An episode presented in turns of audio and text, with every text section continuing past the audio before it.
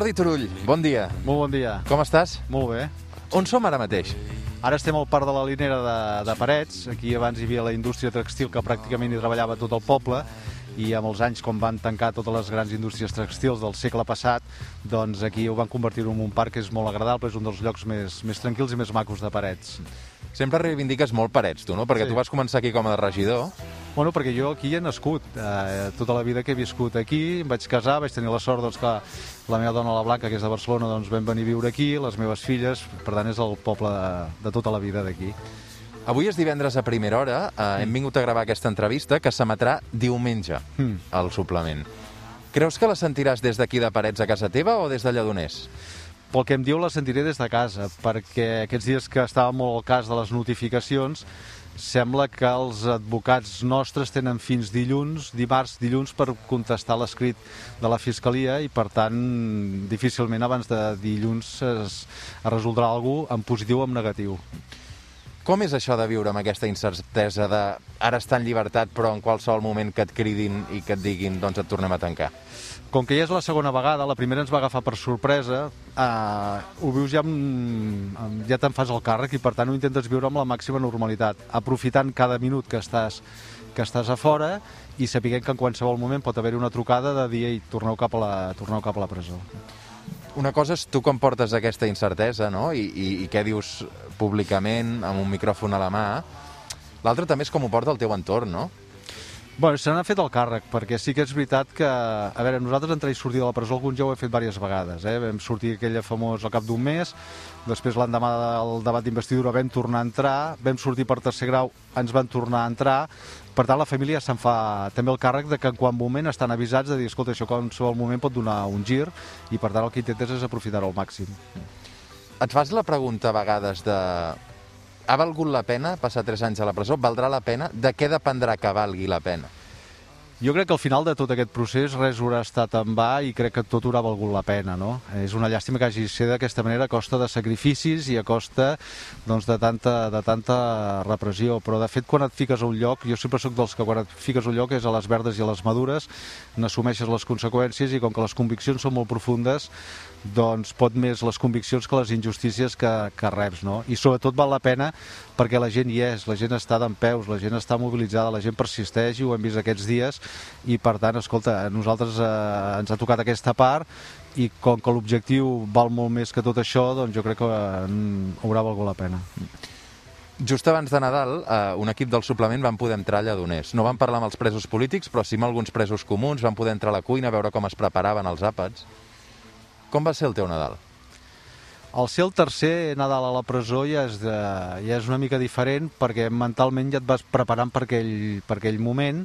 Uh, mires de compartir-ho al màxim els que érem allà, en aquest cas hi havia l'Oriol Junqueras, el Raül Romeva i jo, i mires també de que és trist, eh? però mires que el dia de Nadal sigui un dia que passi ràpid, eh? perquè... i només de saber que la família hi és i que estan reunits, ja, bueno, ja estàs content. Tot i que aquest any eh, eh, també era diferent per tothom i per tant aquest any tothom va fer com va poder d'acord amb les restriccions. No? Per tant aquest va ser un Nadal estrany que volies que passés ràpid. Mm. I això d'entrar i sortir, no es fa una mica estrany també acostumar-s'hi? Uh, ho dic perquè la tornada a Lledoners deu ser, deu ser molt dura després d'uns dies a casa, no? Inclús quan arribes a casa després de 3 anys o, o més de 3 anys tancat, ha deixat de ser normalitat ser casa, no? T'hi deu sentir un estrany fins i tot. Sí, eh, al principi et sents una mica desplaçat amb tot, eh? Pensa que quan surts de la presó, eh, fer tres coses en un dia ja, ja t'atabales una mica, perquè a la presó vas molt monitoritzat, vas sempre el mateix, la presó és monotonia, és els mateixos horaris, és les mateixes dinàmiques, el mateix espai, la mateixa gent, no? Però mira, una cosa que diem tots els presos polítics quan hem sortit i d'això, és que això de la llibertat t'hi acostumes i t'hi adaptes de seguida, eh? però és que inclús a vegades et dona la sensació de que no has estat 3 anys a, a la presó, i al vespre has d'anar a la presó, eh? però vull dir, ara mateix que estem aquí, doncs és més estar aquí amb tota normalitat, amb, fent aquesta entrevista, i no et pesa allò de dir, és que porto 3 anys a la presó, no? Per tant, a la llibertat t'hi acostumes de seguida, sí, sí. Però una cosa tan senzilla com, per exemple, pot ser tenir un telèfon mòbil, no? No tens telèfon mòbil a la presó, no tens agenda, No. o hi ha un moment del dia d'un dimarts que estàs amb llibertat a casa, Mm. Que suposo que la dona, eh, la família, se'n va a treballar o se'n van a Sí, sí. estudiar i tu et deus quedar a casa i dir com, com reconstrueixo la meva vida després de perdre la llibertat, no? Aquí és on pesa més el tema de la incertesa de dir, bueno, és que jo no sé si a casa estaré una setmana, 10 dies, o, o, o això ja uh, va, per, va per llarg, no? Uh, I sí, vas, al principi vas una, mica, vas una mica desplaçat. El que dius del telèfon mòbil, a mi el que em passava al principi de sortir a la presó és que a vegades et trucaven i que no mires el telèfon. Ah, que no me'n recordava que porto un telèfon uh, d'això, no? Però al cap d'un temps ja és allò que et renyen perquè estàs mirant massa estona al mòbil, eh? quan, quan estàs aquí. Però bueno, t'hi vas, a- t'hi vas adaptant i, escolta, quan els problemes són aquests pel fet d'estar en llibertat, són problemes que fan de molt bon fer, eh? Portes el recompte, Jordi Turull, dels dies que et queden eh, en presó, els dies que portes? Sé que em porto cap a 1.100 de dies eh, i sé que ara he fet la quarta part, que vol dir 3 anys, vol dir que em falten 9 anys per extingir la condemna. 9 anys, sí, sí. Dit així, 9 anys, no? Dit així, fa, ver fa vertigen. Sí, sí, sí. Que passa que saps que són 9 anys que en condicions eh, normals, si és que es pot dir així, no acabaràs estant tancat, perquè abans tindràs aquest tercer grau o perquè es poden obrir escletxes com pot ser l'indult o l'amnistia, o no? Sí, però fixa't que a partir de que nosaltres estem a la presó, la jurisprudència del dret penitenciari el Suprem l'està canviant i, per tant, t'has de fer el càrrec. Saps allò que diuen? Diu, espera el millor i estigues preparat pel pitjor? Doncs nosaltres l'experiència ens diu que esperem el pitjor perquè pel millor ja estarem preparats, que no hi haurà, no hi haurà problema. Però mira, has de posar-hi coratge eh, i agafar-t'ho de la millor manera, mirar d'aprofitar-ho al màxim. La presó la pots aprofitar per fer per coses mm, temes més personals, més íntims, més de coses que en el dia a dia no pots fer i a la presó hi ha una cruïlla, però per tots els presos. O mires d'enfortir-te en moltes coses o causen el deteriorament personal més absolut. Jo, pels presos que conec, la majoria opten, intenten optar per la primera, perquè també en el cas de Lledoners tots els serveis que hi han i tots els tècnics que hi han i totes les possibilitats que t'ofereixen és una oportunitat que tens de reforçar-te amb algunes coses, allò de que no hi ha mal que per bé no vingui. El que passa és que intentant no caure en una monotonia dins de la presó o que tots els dies siguin diferents dins de la presó, que crec que és una de les rutines que us intenteu aplicar Sí. perquè els dies passin més ràpid, Mm. ha de ser molt difícil, no? Vull dir, una cosa és dir-ho i Sí. l'altra és quan tu estàs eh, 16 hores tancat en una cel·la, Sí, sí. practicar-ho, no? Sí, a veure, jo va haver-hi un pres conegut eh, que a sota el Real em va dir mira Jordi, diu, la presó és la universitat de la paciència t'has de carregar de molta paciència, molta. I llavors has de fer això, mirar de que cada dia fer-te el diferent. Pensar en curt termini és un gran consell que, que em va donar el, el doctor Jaume Pedrós quan ens va venir, va dir, escolta, penseu en curt termini, perquè si penses en llarg que genera vertigen i et mareges. I llavors és allò de dir, escolta, doncs mira, demà faré això, demà faré allò, dins el que pots fer, doncs demà escriure cartes, demà llegiré això, demà miraré aquest programa, dissabte ja et ve a veure la família, va, que ja queda poc. Tu has d'anar fent cada dia diferent perquè la, la presó és monotonia i és aïllament, i quan sumes monotonia i aïllament, doncs sí que és veritat que hi ha moments que es fa molt, molt feixuc, no? Recordo que al principi del vostre empresonament um, es va filtrar, es va explicar que tu tenies una malaltia respiratòria Sí. i que havies de dormir connectat a, a una Sí. màquina. Sí. Sempre ho has pogut fer? Encara dorms connectat a una màquina? No, perquè mira, uh, des de la vaga de fam, que va haver-hi, quan ja era el final de la vaga de fam, uh, jo el soroll de la màquina, l'ansietat de la gana, etc. un dia em vaig treure la màquina i vaig dir, això no ho aguanto per enlloc. I llavors em van fer les proves, perquè sí que una cosa està molt bé, són els serveis mèdics penitenciaris funcionen molt bé, em van fer les proves a Mollet, a l'hospital, que és on d'això, i em van dir que de moment no, no em calia i que i per tant ja no, ja no la tinc, la màquina, ja no, les apnees ja no les tinc. Uh -huh. uh, I crec que això va transcendir precisament arran d'una investigació que et van fer per alçament de béns per haver posat el teu patrimoni en nom de la teva dona. Això està arxivat? Això està arxivat, això era una denúncia que no tenia ni solta ni volta, però era aquell allò de la Fiscalia, que normalment la Fiscalia quan vol obrir diligències d'alguna cosa primer demana explicacions, allà van anar, és dir, allà no en tenien prou, l'acarnissament era tal, però això el mateix jutge ho va arxivar de seguida perquè no hi havia, no hi havia, no hi havia res. Confies en l'índol? No massa perquè, primer que no és la solució, eh? i això ho hem dit sempre, perquè això seria una solució a nou persones i, i no la solució al conflicte polític que hi ha ni a les 3.000 persones que estan per aquests mons de Déu judicials eh, pendents de, de judici. Després, més que de l'indult, de qui no de Pedro Sánchez, perquè juga amb això, juga el xantatge emocional que ell potser no se'n dona compte, però els familiars, que el que volen és que surtis de la presó per la via que, que sigui, crec que ara ja està jugant amb el xantatge, Eh? Per tant, ja hem vist que juga amb les dates electorals i, bueno, i això del, de l'indult ja ho veurem i suposo que ara sortirà dient, bueno, depèn de quin govern hi hagi a Catalunya. Eh, aquest senyor canvia de cavall en funció dels seus interessos i, per tant, jo més que en fiar de l'indult, d'aquí depèn l'indult que és del govern socialista, en aquest cas del president Pedro Sánchez, la confiança és eh, mínima perquè la seva solidesa la, de les conviccions les va canviant a mesura que canvien les coses. No? O sigui, el que m'estàs dient és que en funció de qui governi a la Generalitat hi haurà indult o no hi haurà indult? No, no, el que em dedueixo que ell està insinuant, perquè diuen, no, ara l'indult eh, per després de les eleccions, i ja se sent la run-run de, bueno, després de eleccions ja veurem el què, no? Uh, jo no sé, quina, no sé què faran, però jo ara, com et deia abans, escolta, penses en el dia a dia, crec que el tercer grau que tenim és, és, uh, és absolutament just, uh, ho diuen els tècnics, ho diuen els funcionaris, i ara el que estem és a la batalla de que els nostres advocats doncs, puguin uh, arribar a guanyar uh, el recurs de la Fiscalia.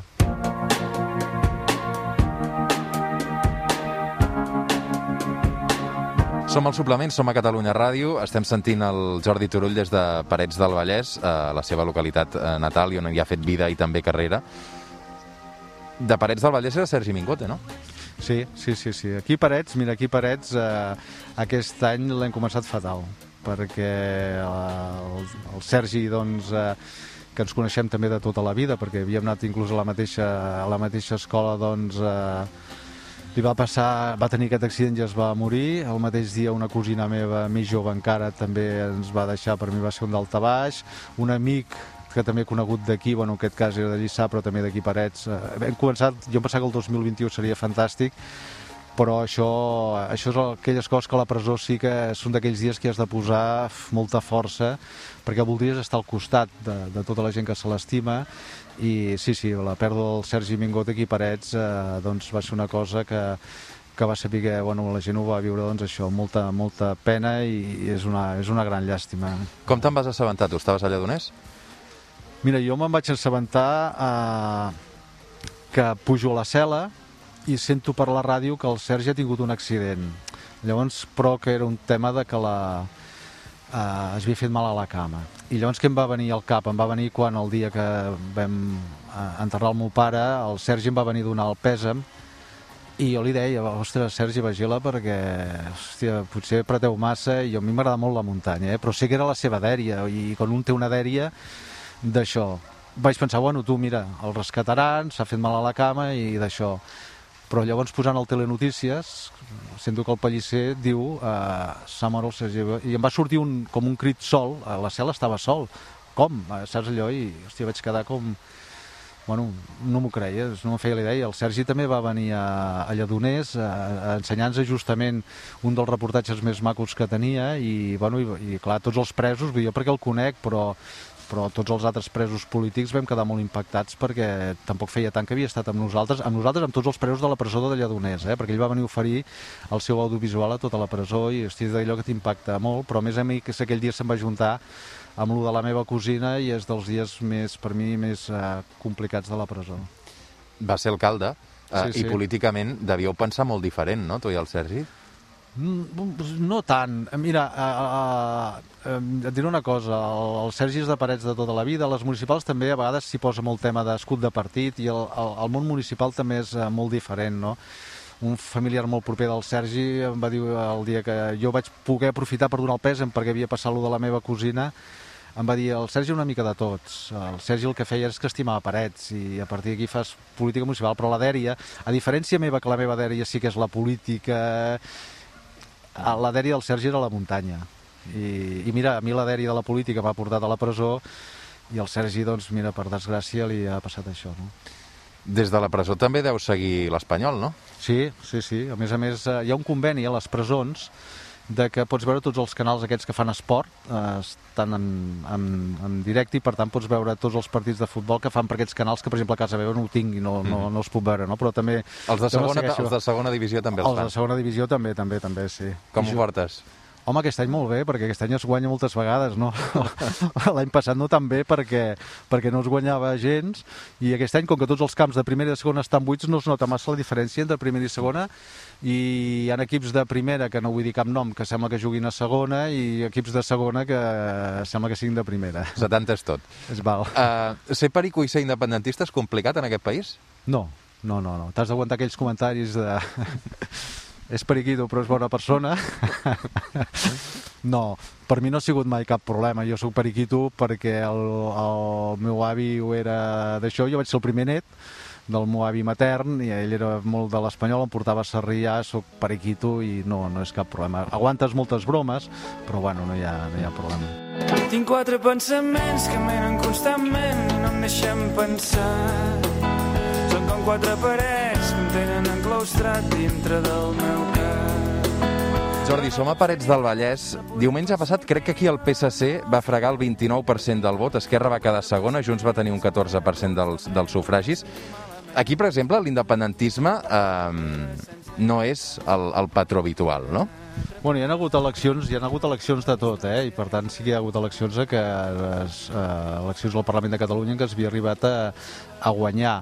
Uh, el que seria estrictament l'independentisme, doncs evidentment no és la força que ha guanyat, però sí que aquí a Parets jo estic segur que el 80% de les persones de Parets, com el conjunt de Catalunya, tot el que és el tema del dret a decidir, de l'autodeterminació, de que ens puguem decidir votant el futur polític de Catalunya, crec que és majoritari. Tu diries que es pot fer eh, la independència amb una part important de la població en contra?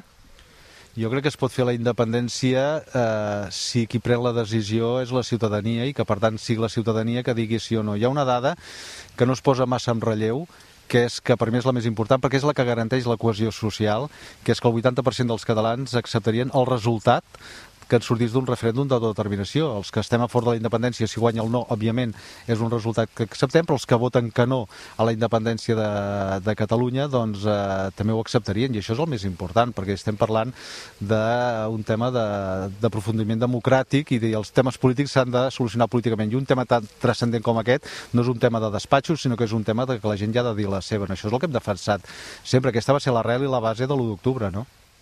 Recordo que fa 3 anys vas estar a punt, a punt, a punt de ser president de la Generalitat. Ara farà 3 anys gairebé. Mm. Sí, és un episodi, doncs mira, que un guarda molt d'honor, eh, va acabar com va acabar, però aquí el tema, si ha dit que el país està per sobre dels partits, imagina't, el país està molt per sobre del que són les situacions personals i per tant aquest és un episodi que he viscut, però el que ara hem de fer és mirar, mirar endavant i recosir complicitats i aparcar qualsevol retret. Creus que el proper president de la Generalitat serà Pere Aragonès?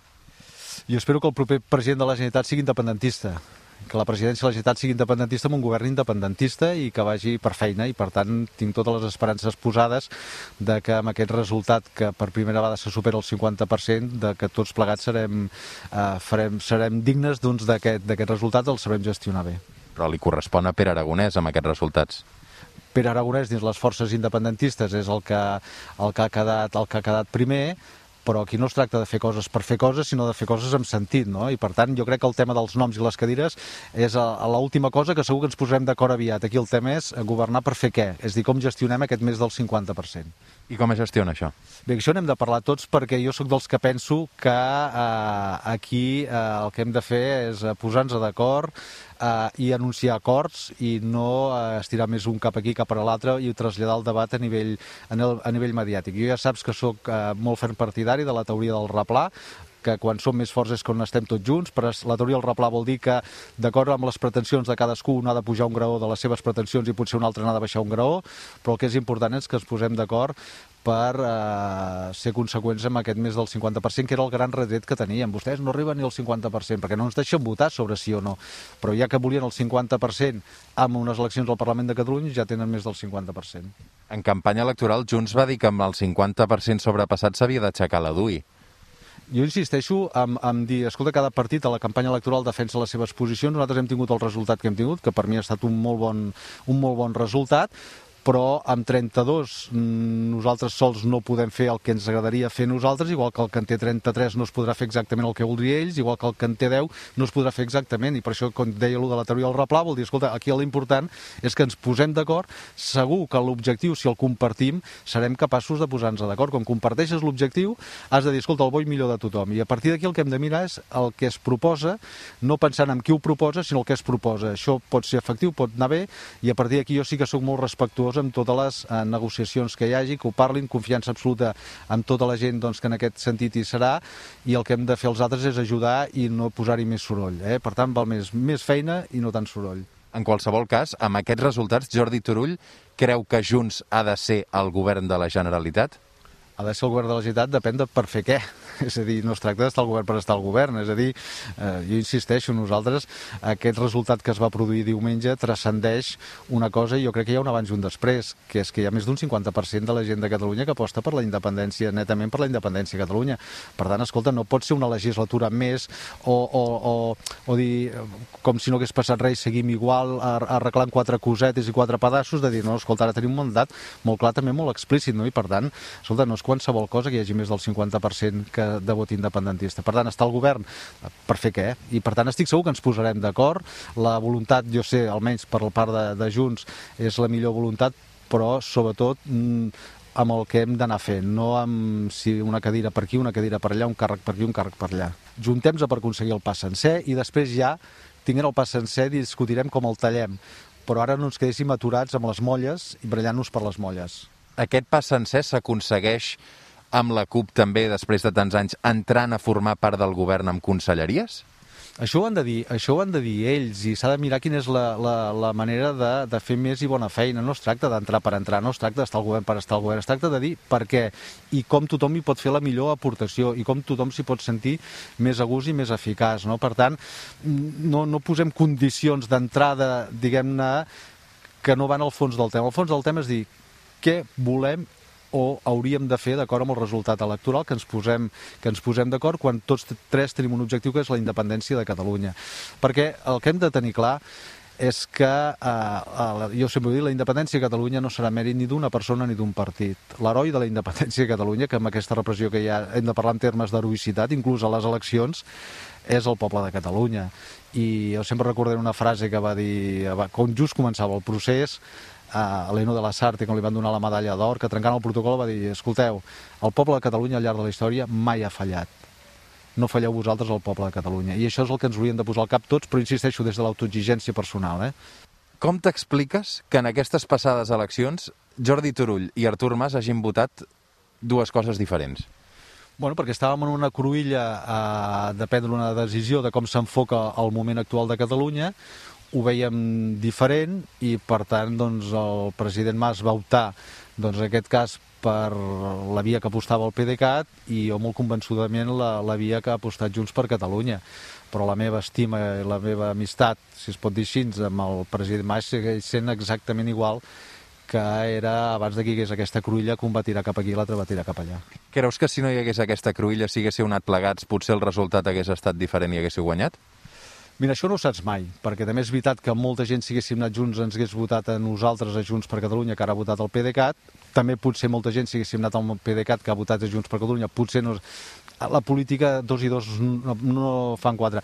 Que a mi sempre m'agrada més apilar que escampar, sí. És dir, jo, jo vaig ser enormement feliç políticament quan estava Junts pel Sí, i és així de clar. Jo aquella legislatura, i mira que érem gent molt diferent, perquè justament Junts per Catalunya és el que per mi s'assembla més a Junts pel Sí, per això estic a Junts per Catalunya i perquè crec que en uns moments transcendents pel país, històrics pel país i en el procés que va iniciar la gent del país, per mi crec que hem de fer-ho com la gent i per mi això de pilar gent de diferents sensibilitats és el que més s'adequa. Per tant, creus que va ser un error separar-se? A mi hagués agradat, evidentment, hagués agradat que hagués, que hagués hagut acord, però és que m'agrada que hi hagi acord amb el PDeCAT, com ara estic desitjós de que hi hagi un acord amb Esquerra Republicana i la CUP. Vull dir, és que eh, amb aquella gent que diu som independentistes, que arribem a acords, evidentment que sempre prefereixo que arribem a acords, però si no pot ser, no passa res, perquè a vegades pots anar junts i que no hi hagi el nivell d'unitat, de lleialtat i de confiança, i potser no anant junts hi ha més lleialtat i confiança amb diferents formacions polítiques, no? Des de Lledoners s'entenen aquestes punyalades dins del món independentista? Des de Lledoners saben molt greu i inclús a la cel·la a vegades, com veus segons quins episodis que no ens agradem, doncs dius, escolteu, mm, què hi faig jo aquí dins si fora hem de fer això? I això ho vaig dir-ho el dia que vam compareixer al Parlament de Catalunya i ho vaig dir per tots, eh, de dir, escolta, segons quins episodis estalviem-nos-los, perquè... Però allà esteu tots barrejats allà dins, no? Vull dir que suposo que tu, clar, amb el Rubem, amb el Junqueras, us veieu cada dia, esmorzeu junts, aleshores us deveu discutir també allà, no? Escolta'm, això que estem fent a fora, aquí dins què? O, o, o... Sí, el que passa que dins no hi ha la immediatesa de fora. És a dir, mira, una de les coses bones que té la presó és que no hi ha el Twitter. No sé si m'explico. Uh, I també t'haig de dir, com més junts hem estat, per exemple, més junts. Més, uh, sempre ens hem ajudat molt i ens ajudem molt i ens ajudarem molt, eh? Però, per exemple, quan estàvem a les presons d'Estremera i el Real, sobretot a el Real, que estàvem tots, tots junts, però que evidentment estàs molt aïllat de la immediatesa del dia a dia, del comentari d'aquest, del que escriu l'altre, del que diu això, doncs eh, això també et fa posar-hi molta més perspectiva i és molt diferent que la immediatesa, és dir, nosaltres no hem de patir perquè d'aquí un quart d'hora tenim una votació al Parlament que un ho veu així un ho veu així, clar, això no ho tenim. Llavors és molt fàcil també dir, escolta, nosaltres no ens brallem perquè no, no és perquè siguem més, més eh, fantàstics, sinó senzillament que no tenim la pressió que, eh, que tenen els de fora. Dues coses per anar acabant una mica concretes estem parlant molt d'aquest nou govern que s'està intentant pactar, aquest nou govern independentista, però abans de pactar el nou govern s'ha de pactar, s'ha de constituir el Parlament, no? Aleshores, com que venim d'una legislatura en què els resultats van ser molt similars, la presidència va ser per Junts i la presidència del Parlament va ser per Esquerra. Ara les coses han de, han de ser al revés, és a dir, si Esquerra es queda a la presidència de la Generalitat, Junts s'ha de quedar a la presidència del Parlament?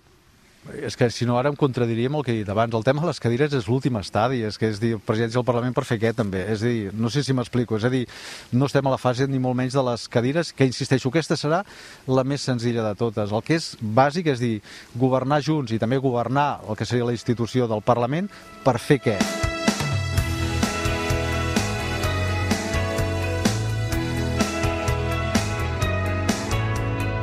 Ha estat una setmana també marcada per, per Pablo Hasél, que ja és a la presó. Què li recomanaries? Amb ell, doncs, eh, que això, que miri cada dia de posar-hi molta paciència, molta paciència, que miri d'aprofitar la presó. La presó és un lloc que pots aprofitar per coses que fora potser no has, eh, no has pogut fer, i més que ell que ve del món de la creativitat i d'això, doncs, home, eh, la pot aprofitar. Serà pesada, és dur, la presó, però que que un se'n surt eh, i que per tant millor si surts haver-la aprofitat i que quan surtis puguis mirar els ulls a tothom perquè no has fet res del que tu mateix te'n puguis arrepentir. Jordi Turull, moltes, moltes gràcies. Moltes gràcies a vosaltres.